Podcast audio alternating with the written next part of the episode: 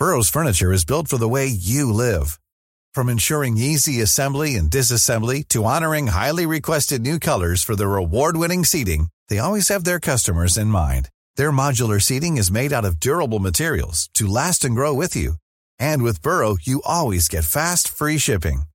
Get up to 60% off during Burrow's Memorial Day sale at burrow.com slash ACAST. That's burrow.com slash ACAST. burrow.com slash ACAST. Millions of people have lost weight with personalized plans from Noom, like Evan, who can't stand salads and still lost 50 pounds. Salads, generally, for most people, are the easy button, right? For me, that wasn't an option. I never really was a salad guy. That's just not who I am. But Noom worked for me. Get your personalized plan today at Noom.com. Real Noom user compensated to provide their story. In four weeks, the typical Noom user can expect to lose one to two pounds per week. Individual results may vary. Hey, it's Ryan Reynolds, and I'm here with Keith, co star of my upcoming film, If, only in theaters, May 17th. Do you want to tell people the big news? All right, I'll do it. Sign up now and you'll get unlimited for $15 a month in six months of Paramount Plus Essential Plan on us. Mintmobile.com slash switch. Upfront payment of $45 equivalent to $15 per month. Unlimited over 40 gigabytes per month. Face lower speeds. Videos at 480p. Active Mint customers by 531.24 get six months of Paramount Plus Essential Plan. Auto renews after six months. Offer ends May 31st, 2024. Separate Paramount Plus registration required. Terms and conditions apply if rated PG.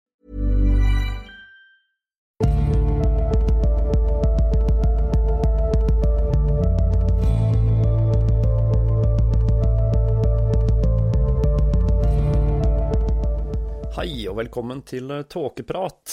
Vi er da kommet til episode 19 denne søndag den 9. april. Og dette er da den fjerde og siste delen i serien om HB Lovecraft. Og i denne episoden så skal jeg ta for meg den siste delen av livet hans, som da er den perioden han skrev noen av sine beste fortellinger, men det er også en periode preget av dårlig økonomi og en gnagende tvil om det er fiksjon han egentlig vil drive med. For uh, som vi skal se, så var Lovecraft så selvkritisk at det gikk utover både karriere og økonomi. Og da begynner vi fortellingen der vi slapp sist, med en nedbrutt, fortvilet forfatter i en mørk, museinfisert leilighet i New York.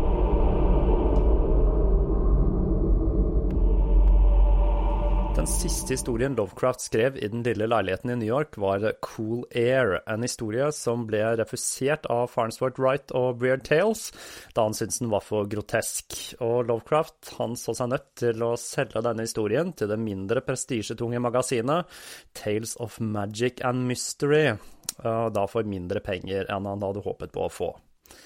Dette er en historie der Lovecraft igjen tar utgangspunkt i livssituasjonen sin, og hvor hovedpersonen er en forfatter som ser seg nødt til å skrive for et billig magasin som betaler så dårlig at hovedpersonen så vidt klarer seg økonomisk og må leie et billig rom i en sliten utleiebolig, der den eneste andre leieboeren er en pensjonert lege som holder rommet han bor i, på et konstant 12 grader celsius ved hjelp av et ammoniakkbasert kjøleanlegg som trenger en konstant tilførsel av is. Og når dette kjøleanlegget da bryter sammen, så tilbyr fortelleren seg å hjelpe legen, men mens han er borte, så bryter legen sammen og blir til en råtnende pøl med slim. Det viste seg nemlig at han hadde vært døden nære, og han hadde brukt dette kjøleanlegget til å utsette sin egen død. Mot slutten av mars 1926 så skriver Lovecraft til tantene sine at han skrek i desperasjon og hamret i vegger og gulv hver eneste morgen han våknet i sitt forbannede bosted. Og tilstanden den var så illevarslende at Frank Long han fikk mora si til å skrive til Lillian, tanta til Lovecraft altså, for å fortelle om hvor ille situasjonen faktisk var, og at hun var redd for at det skulle klikke fullstendig for Lovecraft. To dager senere kom det en sjekk i posten, så Lovecraft kunne kjøpe en billett hjem til sitt kjære Providence. Og han ankommer Providence lørdag ettermiddag den 18. april 1926. Han var ekstatisk over å være hjemme igjen, men også noe nedbrutt over å ikke ha klart å etablere seg med Sonja i New York. Men han hadde fremdeles et lite håp om at hun kunne følge etter ham senere, og kanskje få seg en jobb i Providence, så de to kunne bo sammen som mann og kone, sammen med tantene hans. Lovecraft hadde altså et litt underlig syn på dette her med samliv og ekteskap. Han leier et rom i første etasje i et treetasjes viktoriansk hus i 10 Barnets Street for 10 dollar i uken, og tante Lillian hun leier et rom i andre etasje. Lovecraft var svært fornøyd med dette huset, og han bruker til og med adressen som adressen til Dr. Willett i uh, The Case of Charles Dexter Ward.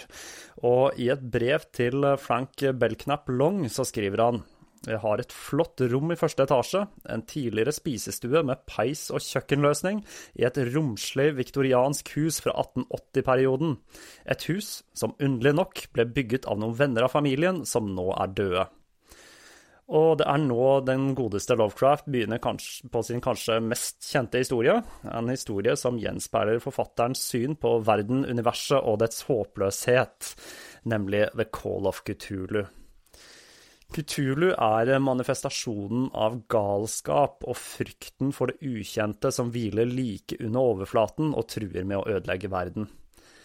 Dette kan ha vært forfatteren som etter sitt nære sammenbrudd i New York forsøkte å uttrykke frykten han hadde følt på ved å være på randen av galskap, og fremfor å døyve frykten med opium eller alkohol, som mange andre forfattere valgte å gjøre, så valgte han å feste den til papiret som en udødelig historie som kan transportere leseren til den samme tilstand av bunnløs frykt for det ukjente som forfatteren selv opplevde. Historien innledes med de udødelige setningene. Den mest velsignede ting i verden er menneskets evne til ikke å se sammenhengen mellom alt dets innhold. Vi lever på en isolert øy av uvitenhet i et svart hav av evighet, og det var ikke meningen at vi skulle reise langt. Handlingen i Call of Cthulhu den er delt i tre. Den første delen, Redselen i leire, forteller historien om en monstrøs skapning, Cthulhu, som sover under havet og som er i ferd med å våkne. Så dette er da en klar referanse både til eh, den greske kraken og vår egen midtgardsorm. Skapningen blir da beskrevet som en krysning mellom en blekksprut, en drage og et menneske, og den dukker opp i drømmene til flere hypersensitive drømmere som forutser oppvåkningen til monsteret. I den andre delen, fortellingen til inspektør Legrasse, eh, så følger vi en politimann i Louisiana som etterforsker forsvinningen til flere uteliggere i sumpene i New Orleans, og han oppdager en voodoo-kult som da dyrker eh, denne samme skapningen. I den tredje og siste delen, Galskapen fra havet, så får vi historien til en norsk, nemlig en norsk fisker, som er da den eneste overlevende etter mannskapet i båten hans hadde utforsket en ukjent øy, som da var den sagnomsuste Relier, byen Kutulu hviler i, som var steget opp fra havet. Fortelleren av den tredje historien har Lovecraft gitt navnet Gustaf Johansen, og Johansen han er fra Oslo og bor i gamlebyen. Og når fortelleren ankommer Oslo med båt, så gjør han det på bryggen i skyggen av Egeberg. Og dette må da være Ekebergåsen, så dette er dritstilig. Det er da veldig artig at Lovecraft ikke bare har med min fødeby i sin mest kjente historie, men faktisk eh, nevner plassen der jeg vokste opp. Og jeg nevnte kanskje at eh, vi er født på samme dag, så her snakker vi psykisk bånd til fortiden, altså. Um, og ikke bare det, Lovecraft gjør også et stort nummer ut av dette her at innbyggerne i Oslo brukte det gamle navnet på byen, selv når byen offisielt ble kalt Kristiania. Oslo ble da kalt Oslo igjen fra 1.1.1925. Nok om det. Um, fortelleren han innser at han vet for mye, og han vet at han vil bli tatt av dage av Kutulu-kulten. Men døden den er da foretrekket framfor galskapen fra havet, i en meningsløs tilværelse der vi alle skal utslettes av dette monsteret som er totalt blottet for menneskelige følelser, sympati eller rasjonelle handlinger. Med Call of Cthulhu så hadde Lovecraft uten å vite det skapt en moderne myte selv så sa han at han ikke var spesielt fornøyd med historien, eh, men dette kom nok av at han ble refusert av Farnsworth Wright. Og som tidligere nevnt, så var han ganske inkonsekvent, for eh, når Wright ble bedt om å vurdere den på ny, så godkjenner han den, og den blir publisert 18 måneder senere, i februar 1928. Call of Cthulhu uttrykker Lovecrafts nihilistiske syn på et amoralskt og hensynsløst univers uten mening, og hvor vår uvitenhet er vårt beste forsvar. Lovecrafts samtid var nok ikke helt klar for dette synet, men noen årtier senere, når motkulturen kom på 60-tallet med Vietnamkrigen, psykedelia, nyreligiøsitet og hippiebevegelsen, så var ikke lenger historien om den store gamle så fjern fra virkeligheten. Men Lovecraft selv han ante lite om hva han hadde startet med denne historien, og han så på den kun som en annen fantastisk fortelling. Han begynte nemlig sporenstreks med neste historie, eh, en historie som var i en helt annen stil, nemlig Pickmans Model. Dette er en historie om en maler som maler skremmende realistiske og groteske bilder. I denne historien så bruker Lovecraft navnene på flere av sine kollegaer, som enten var forfattere eller illustratører, og han skriver blant annet det var ingen tegn til de eksotiske teknikkene du ser i Sydney Syme, ingen av de transsaturniske landskapene og månesoppene som Clark Ashton Smith bruker for å fryse blodet i årene. Og som en liten sidenote her, så er det et sidequest i Fallout 4 som foregår i Pickmans Gallery, som da er en fin liten hyllest til Lovecraft av Bethesda Games.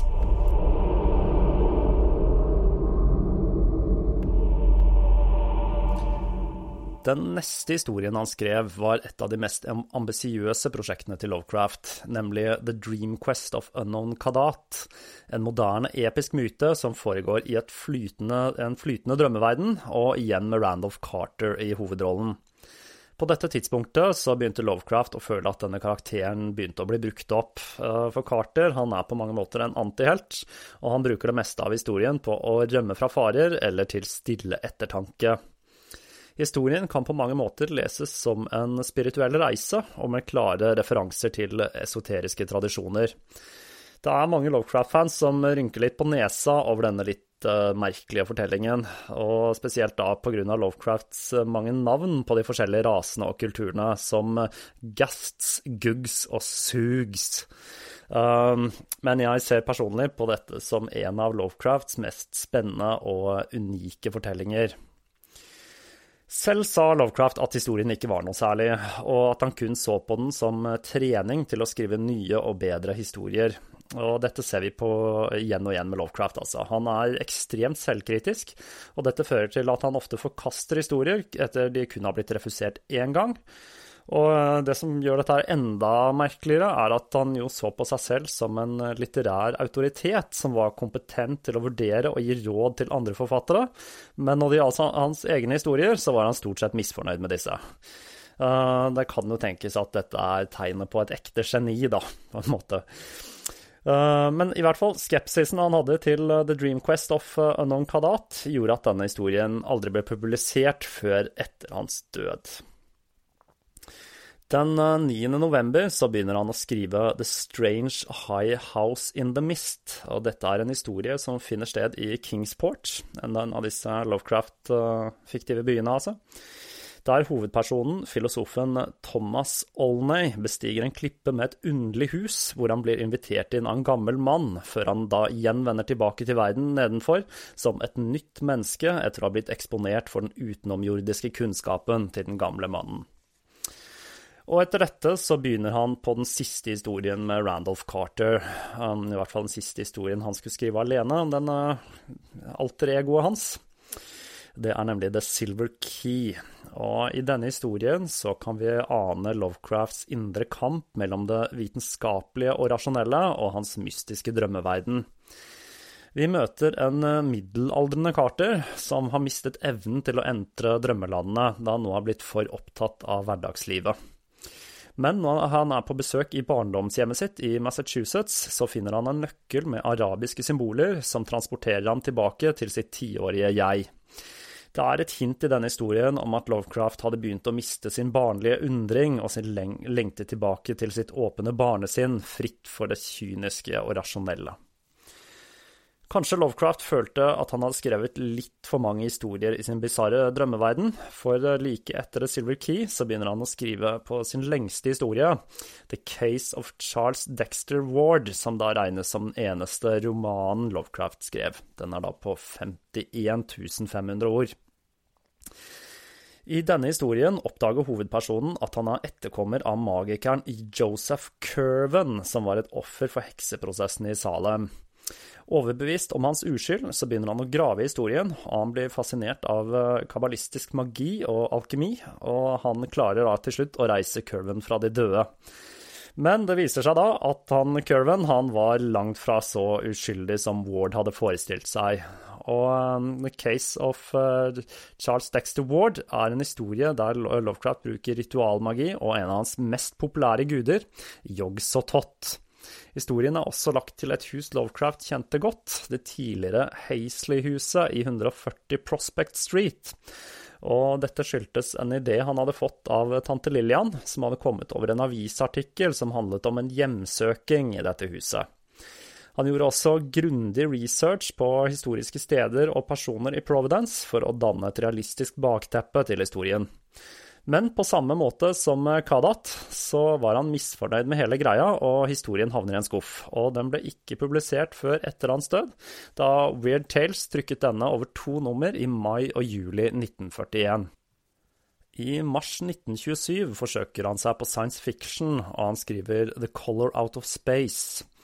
Og dette er et veldig godt eksempel på hvor unik Lovecraft var som forfatter. For i denne historien, som da dreier seg om besøk fra det ytre rom, så blir ikke leseren presentert for aliens som da er menneskelignende monstre eller rare maskiner.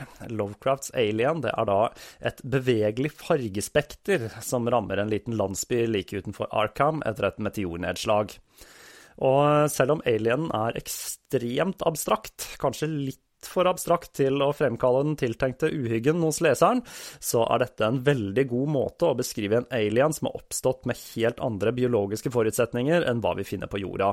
Og på mange måter en genistrek av Lovecraft, og historien kan kanskje frambringe litt av den undringen og mystikken som Arthur C. Clarke sin berømte monolitt. Og eh, Lovecraft han ble henrykt da historien ble akseptert av Amazing Stories, men da betalingen lot vente på seg, så bestemte han seg for å aldri mer sende historier dit. I april 1928 reiser Lovecraft mot Willy tilbake til New York og Sonja. Hun forsøkte nemlig å starte sin egen hattebusiness, og han følte seg forpliktet til å være ved hennes side som moralsk støtte. Hun var nå bosatt i tredje etasje i 370 eh, East 17 Street i Brooklyn.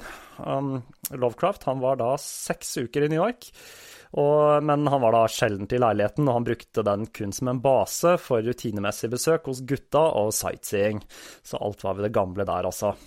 Og det var da åpenbart at han ikke betraktet Sonja som mer enn en av vennegjengen. Han skulle være borte fra Providence i tre måneder, for etter å ha vært i New York så fulgte han opp en del invitasjoner fra Washington DC, uh, Wilbraham, Massachusetts og Vermont. Da han kom hjem igjen, så begynte han å skrive og redigere andre forfatteres arbeid, og det gikk nesten ett og et halvt år før han skulle skrive noe av betydning igjen. H.P. Lovecraft var nemlig overbevist om at man ikke burde tvinge fram en god historie, men at den uh, måtte komme organisk. Uh, dette er jo da stikk i strid med hva mange andre forfattere mener. Uh, jeg tenker da spesielt på Stephen King i hans eminente bok On Writing, hvor King snakker om verdien av det å bare sette seg ned og skrive uansett. Men i august 1928 så blir Lovecraft inspirert igjen, og denne gangen så henter han inspirasjonen fra sitt besøk i Wilbraham når han lager bakgrunnsteppet for hva som skal bli en av hans mest kjente historier. En historie med svart magi, innavl og unevnelige guder, nemlig The Dunwich Horror. Historien den utspiller seg på bygda i Massachusetts, i det fiktive bygdesamfunnet Dunwich. Navnet Dunwich det er da satt sammen av Greenwich og Dana, som er to pittoreske landsbyer Lovecraft hadde besøkt på sine reiser. Historien er sentrert rundt Watley-familien. Det er en familie som blir uglesett i Dunwich etter den yngste sønnen Wilbur blir født. Gutten, som er eh, unaturlig høy og ekstremt smart, blir oppdratt av bestefaren, som lærer ham forbudt okkult kunnskap, og som hinter om at Wilbur er resultatet av en uhellig union mellom Wilburs mor, den vanskapte albinoen Lavinia, som da glimrer med sitt fravær i historien, og eh, Yogg-Sothoth. Når eh, bestefaren dør, så bruker han de siste kreftene på å oppfordre gutten til å lese i så han kan åpne portalen til de gamle gudene. Uh, Wilbur han blir da nektet å se boken på biblioteket, og da han forsøker å stjele den, så blir han bitt til døde av en vakthund. Og eh, når liket hans blir oppdaget, så er det åpenbart at Wilbur ikke var av denne verden. Han skriver det var delvis menneskelig, uten tvil, med veldig menneskelige hender og hode, og det geiteaktige, hakeløse ansiktet hadde trekkene til Watley-familien, men underkroppen og de nedre lemmene var teratologisk fantastisk, og kun rikelig med klær kunne ha gjort det mulig for, uh, for det å gå ute blant folk uten å risikere å bli utslettet. Videre beskriver han underkroppen som dekket med svarte hår og med grågrønne tentakler med små sugemunner som kommer ut fra mageregionen, før han går inn i en lang tirade om utenomjordisk geometri osv. i uh, god Lovecraft. Hey, it's Ryan Reynolds, and I'm here with Keith, co star of my upcoming film, If, only in theaters, May 17th. Do you want to tell people the big news? All right, I'll do. Sign up now and you'll get unlimited for $15 a month in six months of Paramount Plus Essential Plan on us. Mintmobile.com slash switch. Upfront payment of $45 equivalent to $15 per month. Unlimited over 40 gigabytes per month. Face lower speeds. Videos at 480p. Active Mint customers by 531.24 get six months of Paramount Plus Essential Plan. Auto renews after six months. Offer ends May 31st, 2024. Separate Paramount Plus registration required. Terms and conditions apply if rated PG. Burrow is a furniture company known for timeless design and thoughtful construction and free shipping. And that extends to their outdoor collection. Their outdoor furniture is built to withstand the elements, featuring rust-proof stainless steel hardware, weather-ready teak, and quick-dry foam cushions. For Memorial Day, get 15% off your Burrow purchase at burrow.com slash ACAST and up to 25% off outdoor. That's up to 25% off outdoor furniture at burrow.com slash ACAST. Eh, stil. Teratologi det er da en del av embryologien som omhandler misdannelser hos fosteret. Han er glad i språk, han Lovecraft. Etter Wilburs død så blir eh, Dunwich terrorisert av gigantisk, en gigantisk usynlig skapning som ødelegger bygninger, og som etterlater seg gigantiske fotavtrykk. Bibliotekaren han oppdager en dagbok etterlatt av Wilburs bestefar, og han skjønner da sammenhengen mellom dette fenomenet og de eldre gudene. Og ved hjelp av to assistenter og et rituale fra Necronomicon, så klarer de til slutt å utslette monsteret, som i sitt siste dødsskrik roper på sin far, Yogg-Sottot. Det var nemlig Wilburs tvillingbror. Lovecraft var redd for at denne historien også skulle bli refusert av Farnsworth Wright pga. alle groteskeriene, men den ble da publisert i april 1929 for en betydelig sum, 240 dollar. Den 24. januar 1928 så søkte Lovecraft motvillig om skilsmisse. Han syntes dette var upassende for en gentleman, og som han sa, han satte fremdeles pris på Sonja, men de hadde blitt enige om at dette var til det beste. Men skilsmissen den skulle ikke bli godkjent før etter Lovecrafts død, så den evige ungkaren han døde faktisk som en gift mann.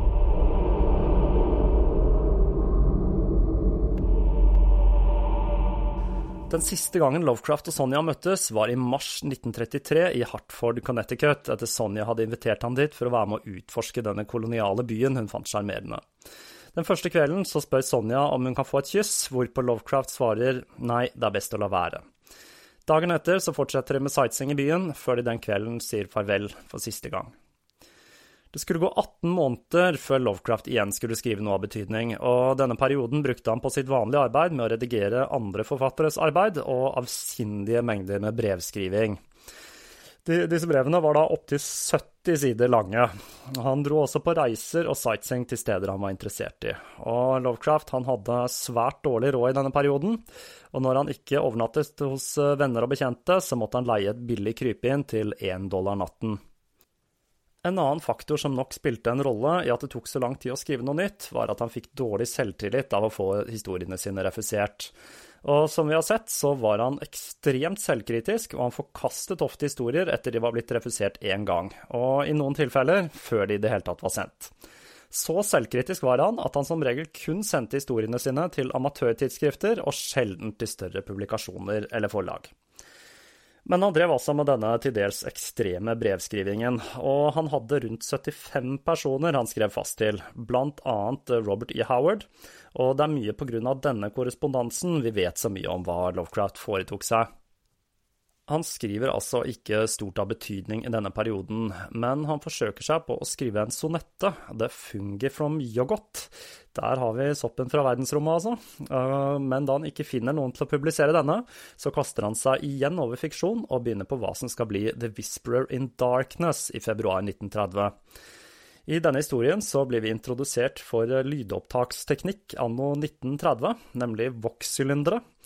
Hovedpersonen, en akademiker fra Miskatonic University i Arkham, han får tilsendt en vokssylinder med et opptak av et rituale til en kult som dyrker en rase fra verdensrommet, fra en einstøing i Vermont. Og igjen så bruker Lovecraft sin reiseerfaring, denne gangen fra hans mange turer til Vermont, for å gi en troverdig beskrivelse av omgivelsene. Og han fikk da 350 dollar for denne 25 600 ord lange historien, som ble publisert i august i 1931 i Weird Tales. Når eh, Lovecraft så at eh, Farnsworth Wright publiserte en så lang historie i en enkelt utgave av eh, Weird Tales, så får han inspirasjon til å skrive en historie i samme lengde. Og han tar pennen fatt, og våren 1931 begynner han på en av sine viktigste historier, nemlig At the Mountains of Madness. Denne historien er nok den historien som har hatt størst påvirkningskraft på filmindustrien, og den var en helt klar kilde til inspirasjon både for The Thing og Alien. Historien den skulle også ha blitt filmatisert med regissøren Guilmero del Toro, et prosjekt som ble punktert igjen og igjen. Og i dag så er denne filmen, dessverre, som da kunne ha blitt den første skikkelige Lovecraft-filmen, lagt død. Historien om Mountains of Madness den utspiller seg i Antarktis, et kontinent Lovecraft var svært fascinert av og hadde lest veldig mye om. Historien blir fortalt av professor Dyer fra Miskatonic University, som prøver å avverge en eh, vitenskapelig ekspedisjon til et område i Antarktis han og noen kollegaer hadde utforsket tidligere. Han forteller om hvordan de oppdaget ruinene av en eldgammel by i isen, en by som skulle vise seg å være flere millioner år gammel, og som var bygget av de eldre gudene ved hjelp av formskiftende protoplasmiske skapninger, shogots. I dypet av denne byen så oppdager de en skapning som driver Dyers kollega Danforth til galskap. Beskrivelsene av den gigantiske byen i det øde Antarktis den skaper en følelse av isolasjon og en følelse av noe fremmed og umenneskelig. Men igjen så blir historien refusert, selv om den da senere blir solgt til Astounding Stories via en agent, Julius Schwartz. Og dette var da første og siste gang Lovecraft benyttet seg av en agent. For når Astounding Stories eh, bestemmer seg for å redigere historien, så blir Lovecraft rasende, og han beskylder eh, Schwartz for å ikke ha beskyttet historien hans, og utbasonerer at den utgaven som var trykket, den var så radikalt endret at han anså historien for aldri å ha blitt publisert i det hele tatt. I den neste historien han skriver, er handlingen igjen lagt til hans kjente og kjære New England. I perioden november til desember 1931 så skriver han The Shadow Over Innsmouth, en skikkelig dyster Lovecraft-perle.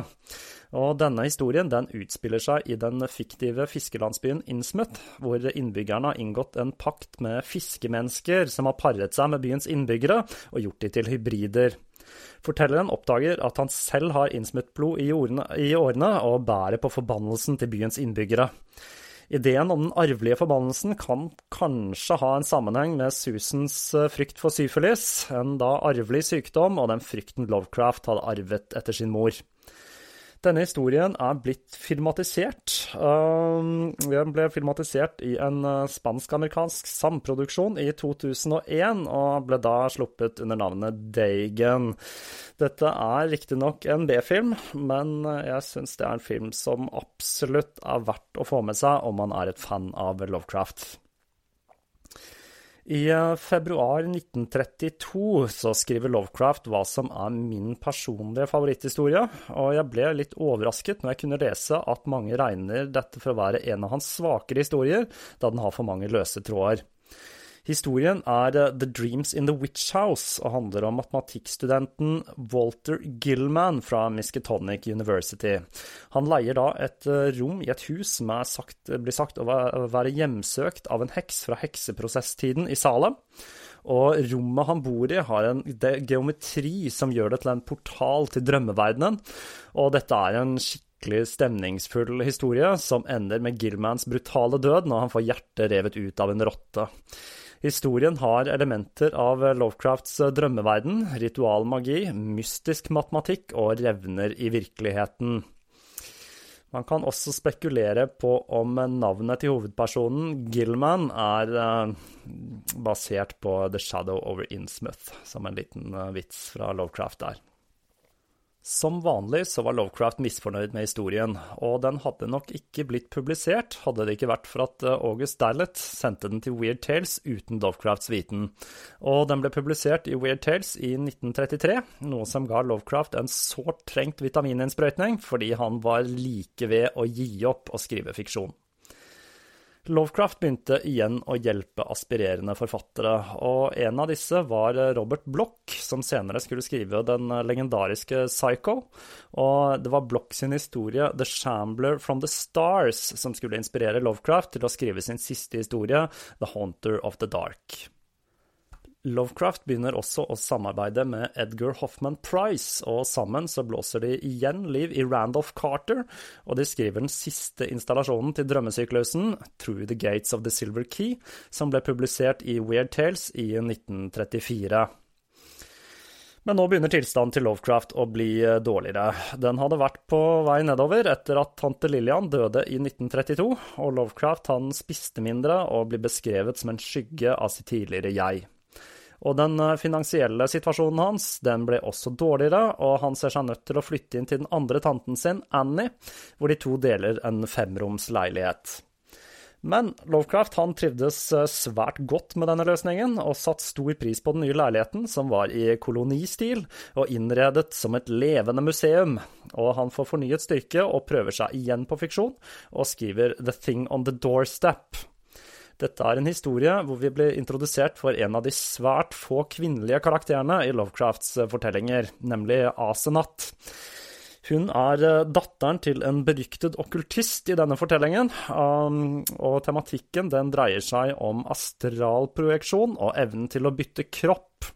Og dette er et tema Lovecraft utforsket videre i sin neste historie, The Shadow Out of Time, fra februar 1935 der enda en professor fra Miskatonic University skifter kropp med en av den store rasen. Det er en rase som regjerte planeten vår for 150 millioner år siden, og her reiser altså sjelen både i tid og rom. Men pengene de strakk ikke til, og høsten 1936 sier han til J. Vernon Shee at han aldri hadde vært så nærme ved å måtte stå i brødkø foran fattighuset som han var da. Men når alt så helt svart ut, så mottar han 600 dollar fra Astounding Stories for publikasjonen av At the Mountains of Madness og for The Shadow Out of Time. Den sistnevnte den hadde blitt sendt inn av hans venn Donald Vandrei uten at Lovecraft visste det. Og igjen så var Lovecraft så selvkritisk at det gikk utover han selv. Og som vi ser, så var det ofte vennene hans som sørget for at historien hans kom på trykk uten at Lovecraft selv visste om det. Med penger i lommen så begynner Lovecraft på sin aller siste historie, den 5. november 1936. The Haunter of the Dark. Det er da en av hans beste fortellinger, og den utspiller seg eh, rundt hovedpersonen Robert Blake, som er bygget på Robert Block. Ganske åpenbart. Eh, dette er en historie som dreier seg om en skapning som holder til i tårnet på en gammel kirke, som hovedpersonen kan se fra huset sitt, og som spiller på frykten for mørket på en svært effektiv måte. Dette er en historie som eh, framkaller en genuin uhygge hos leseren, og Robert Bloch skrev senere en oppfølger til denne, uh, historien The Shadow from the Steeple i 1950. Lovecraft han var godt fornøyd med å ha skrevet enda en historie, og han drar for å besøke vennene sine i New York denne julen. Men da han kommer tilbake til Providence, så føler han seg svak, og han begynner å få hodepine, kvalme og magekramper. Og I tillegg til det så fikk tante Annie brystkreft, og etter et sykehusopphold så blir hun eh, plassert på et sånn rekonvalesenshjem. Og Lovecraft han ser seg da igjen nødt til å leve ut av hermetikkbokser. Og tilstanden hans blir verre, og han oppsøker en lege som da først foreskriver han smertestillende, men den 27. februar så finner han ut at han har tynntarmskreft og en uspesifikk nyresykdom. Og i denne perioden så begynner han å skrive en uh, dagbok som han fortsetter å skrive på fram til han blir innlagt på sykehus den 10. mars. Denne dagboken den ble gitt til den unge forfatteren Robert Hayward Barlow, som Lovecraft ga rettighetene til hele forfatterskapet sitt like før sin død. Barlow hadde denne på seg, altså på, på seg fysisk hele tiden, døgnet rundt, fram til han begikk selvmord i 1951, og dagboken den er nå tapt for all tid. Før sykehusinnleggelsen ble Lovecrafts tilstand betydelig dårligere. Han tok varme bad for å døyve smerten, og han måtte sove sittende da det var for smertefullt å ligge ned. Og når ambulansen kommer for å hente han, er magen svulmet opp, og han er ute av stand til å ta til seg næring. De forsøker å drenere magen hans for væske, men dette løser ingenting, og han klarer selv ikke å ta til seg intravenøs næring. Den 15. mars 1937 klokka 7.15 døde Howard Phillips Lovecraft på James Brown Memorial Hospital.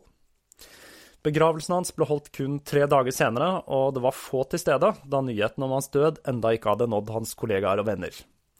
De neste månedene ble Weird Tales bombardert med brev fra fans og forfattere som hyllet Lovecraft og sørget over hans død. Og det var altså denne Barlow som var utpekt som forvalter av Lovecrafts verk, men det var ikke alle som var like godt fornøyd med dette, og det var mange som mente at Barlow ikke hadde nødvendig erfaringen til å gjøre dette på en skikkelig måte, og dette førte til en lang konflikt om rettighetene til Lovecrafts verker, som til slutt havnet i hendene på August Dallet og Arkham House.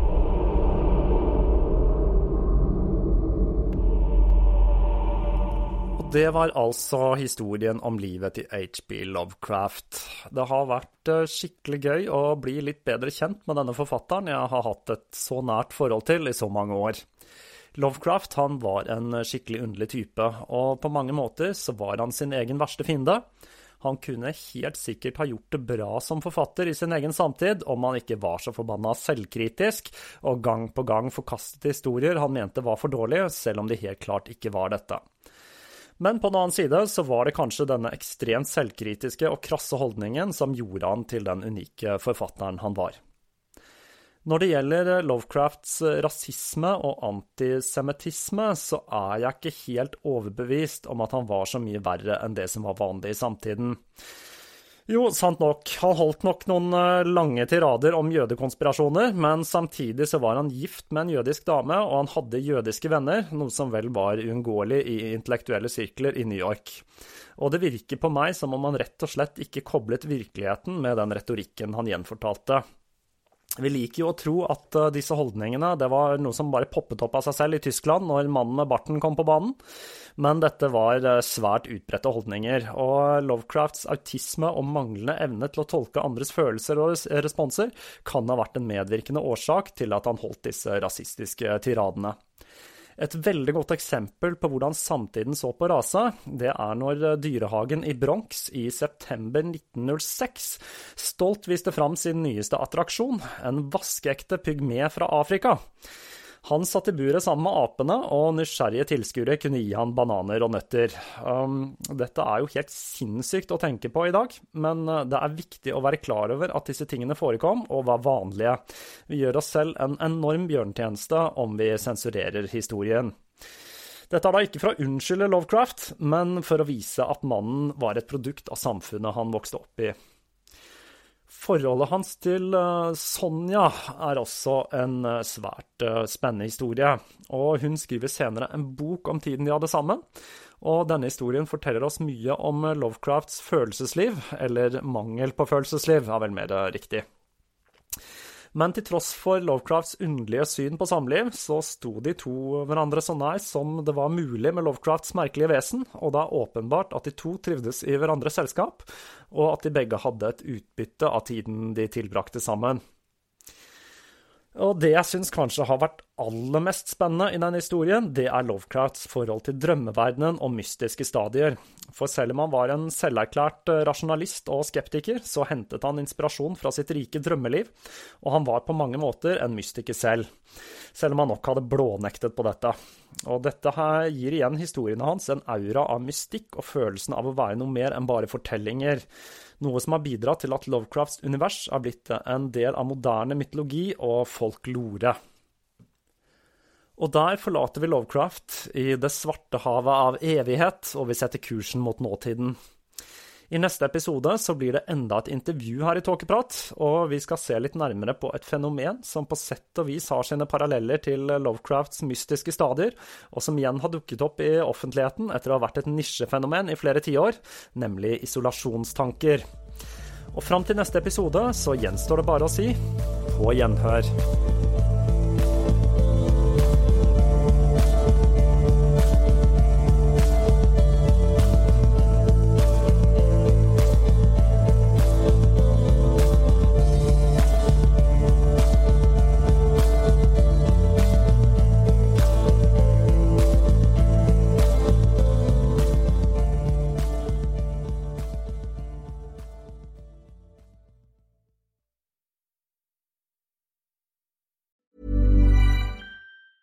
Planning for your next trip?